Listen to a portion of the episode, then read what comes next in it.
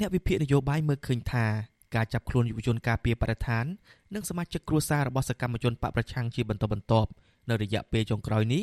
ដោយសារតែរដ្ឋាភិបាលភ័យព្រួយខ្លាចបាត់បង់អំណាចពាក់ព័ន្ធនឹងប្រជាប្រិយភាពរបស់ខ្លួនមិនរឹងមាំទោះជាយ៉ាងណាការបង្ក្រាបទៅលើសម្លេងរិះគន់ឥតឈប់ឈរនេះមិនបានធ្វើឲ្យរដ្ឋាភិបាលចំណេញអ្វីទេផ្ទុយទៅវិញបែរជារងការថ្កោលទោសនិងការរិះគន់ពីគ្រប់មជ្ឈដ្ឋានថែមទៀត ប្រធានក្រុមអ្នកវិភាគវ័យក្មេងកញ្ញាលីសីស្រស់សង្កេតឃើញថាការរិះគន់ខ្លាំងទៅលើរដ្ឋាភិបាលដោយសារតែតុលាការបានប្រើប្រាស់បទចោទប្រកាន់ធ្ងន់ធ្ងរហួសហេតុទៅលើសកម្មជនបរិស្ថានទាំង3នាក់ហើយបទចោទទាំងនោះបង្ហាញសារអាក្រក់មួយដល់សកម្មជនផ្សេងទៀតកញ្ញាសោកស្ដាយចំពោះសកម្មភាពបង្ក្រាបនេះព្រោះมันបានផ្ដល់ផលចំណេញដល់ប្រទេសជាតិទេ ហើយទៅទៅវិញវាអត់បានលើកទឹកចិត្តឲ្យពលរដ្ឋណាដែលគាត់ហ៊ានរិះគន់ឬក៏លើកឡើងពីបញ្ហាសង្គមហ្នឹងលើកទឹកចិត្តឲ្យពួកគាត់និយាយទេអញ្ចឹងច្បាស់ណាស់ថាបើសិនជារដ្ឋាភិបាលធ្វើអញ្ចឹងមតិសាធារណជនហ្នឹងគឺវាកាន់តែមានការរិះគន់បន្ថែមក៏ដូចជាខ្វះជំនឿជាក់ទៅលើប្រព័ន្ធយុត្តិធម៌ក៏ដូចជារបៀបដឹកនាំរបស់រដ្ឋាភិបាលរយៈពេល10ថ្ងៃចុងក្រោយនេះតុលាការបានឃុំខ្លួនយុវជនចំនួន4នាក់ក្នុងនោះមាន3នាក់គឺជាសកម្មជនបរិស្ថានកញ្ញាសុនរដ្ឋាលោកយឹមលៀងហ៊ី លោកលីច័ន្ទរាវុធនិងម្នាក់ទៀតជាកូនប្រុសរបស់សមាជិកប្រតិបត្តិគណៈបកសង្គ្រោះជាតិរាជធានីភ្នំពេញដែលកំពុងជាប់ឃុំក្នុងពន្ធនាគារព្រៃសរលោកកកុម្ភាគឺយុវជនកសវណ្ណឆៃដែលមានអាយុ16ឆ្នាំនិងមានបញ្ហាសតិបញ្ញាតុលាការបានចោទសកម្មជនបរិស្ថាន3នាក់ពីបទរួមគំនិតក្បត់និងប្រមាថព្រះមហាក្សត្រដោយឡែកយុវជនកសវណ្ណឆៃ ត្រូវបានចោទប្រកាន់ពីបទញុះញង់បង្កឲ្យមានភាពវឹកវរធ្ងន់ធ្ងរដល់សន្តិសុខសង្គមនិងប្រមាថអ្នករាជការសាធារណៈពាក់ព័ន្ធនឹងការជជែកក្នុងបណ្ដាញសង្គម Telegram តែយ៉ាងណាអាញាធមមិនបានបង្ហាញខ្លឹមសារ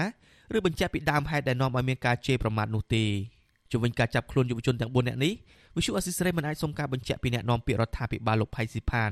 និងអ្នកនាំពាក្យក្រសួងយុទ្ធភ័ពលោកចិនម៉ាលីនបានទេនៅថ្ងៃទី27ខែមិថុនាតែទោះជាយ៉ាងណារដ្ឋមន្ត្រីក្រសួងមហាផ្ទៃលោកសខេង បានលើកឡើងនៅក្នុងជំនួបផ្ទាល់ជាមួយនឹងអគ្គរដ្ឋទូតបារាំងប្រចាំកម្ពុជាអ្នកស្រីអេវ៉ាវៀងប៊ិងកាលពីថ្ងៃទី24ខែមិថុនាថាក្នុងនាមជាស្ថាប័នអនុវត្តច្បាប់អាជ្ញាធរគ្មានជំរឿសអ្វីទេក្រៅពីការចាប់ខ្លួនសកម្មជនទាំងនោះទេព្រោះអាជ្ញាធរមានភស្តុតាងបញ្ជាក់ពីបទល្មើសអ្នកសិក្សាស្រាវជ្រាវការអភិវឌ្ឍសង្គមបណ្ឌិតមាសនេះយល់ថាការចាប់ខ្លួនយុវជនទាំងនេះបណ្ដាលឲ្យពលរដ្ឋនិងសហគមន៍អន្តរជាតិកាន់តែមិនជឿជាក់ទៅលើរដ្ឋាភិបាលនិងប្រព័ន្ធតុលាការ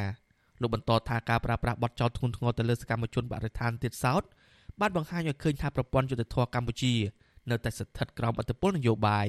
ឃើញថាប្រព័ន្ធតុលាការនៅស្រុកយើងនេះហាក់ដូចជាមិនទាន់ឃើញមានការដំណើរទម្រង់ណាមួយដែលបានសន្យាដោយអាយដាមរដ្ឋត្រីក្រសួងយុទ្ធភ័ពនៅឡើយទេបានយើងនៅតែឃើញថាប្រព័ន្ធតុលាការស្រុកខ្មែរបច្ចុប្បន្ននៅតែទទួលឥទ្ធិពលពីរដ្ឋាភិបាលពីអ្នកនយោបាយទៅដែរតែយើងមិនទាន់ឃើញការផ្លាស់ប្ដូរទេ មកដល់ពេលនេះអាជ្ញាធររបបក្រុងភ្នំពេញបានចាប់ខ្លួនសកម្មជននយោបាយសង្គមនិងបរិស្ថានប្រមាណ80នាក់ហើយដាក់ក្នុងពន្ធនាគារដោយភាគច្រើនចោទប្រកាន់ពីបទញុះញង់និងរួមគំនិតក្បត់ដោយសារតែការអនុវត្តសិទ្ធិជាមូលដ្ឋានរបស់ពួកគាត់ក្រុមអង្គការសង្គមស៊ីវិលនិងសហគមន៍អន្តរជាតិតែងតែប្រកាសថ្កោលទោសជាបន្តបន្ទាប់ចំពោះការចាប់ខ្លួននេះហើយពួកគេទាមទារឲ្យមានទណ្ឌកម្មបន្ថែមទៀតទៅលើរបបក្រុងភ្នំពេញ ក្នុងករណីរបបនេះនៅតែបន្តធ្វើទុកបុកម្នេញឥតឈប់ឈរទៅលើសម្លេងរិះគន់និងការមិនព្រមដោះលែងសកម្មជនទាំងអស់ឲ្យមានសេរីភាពឡើងវិញខ្ញុំបានជាចំណាន Visual Assisray ពីរដ្ឋធានី Washington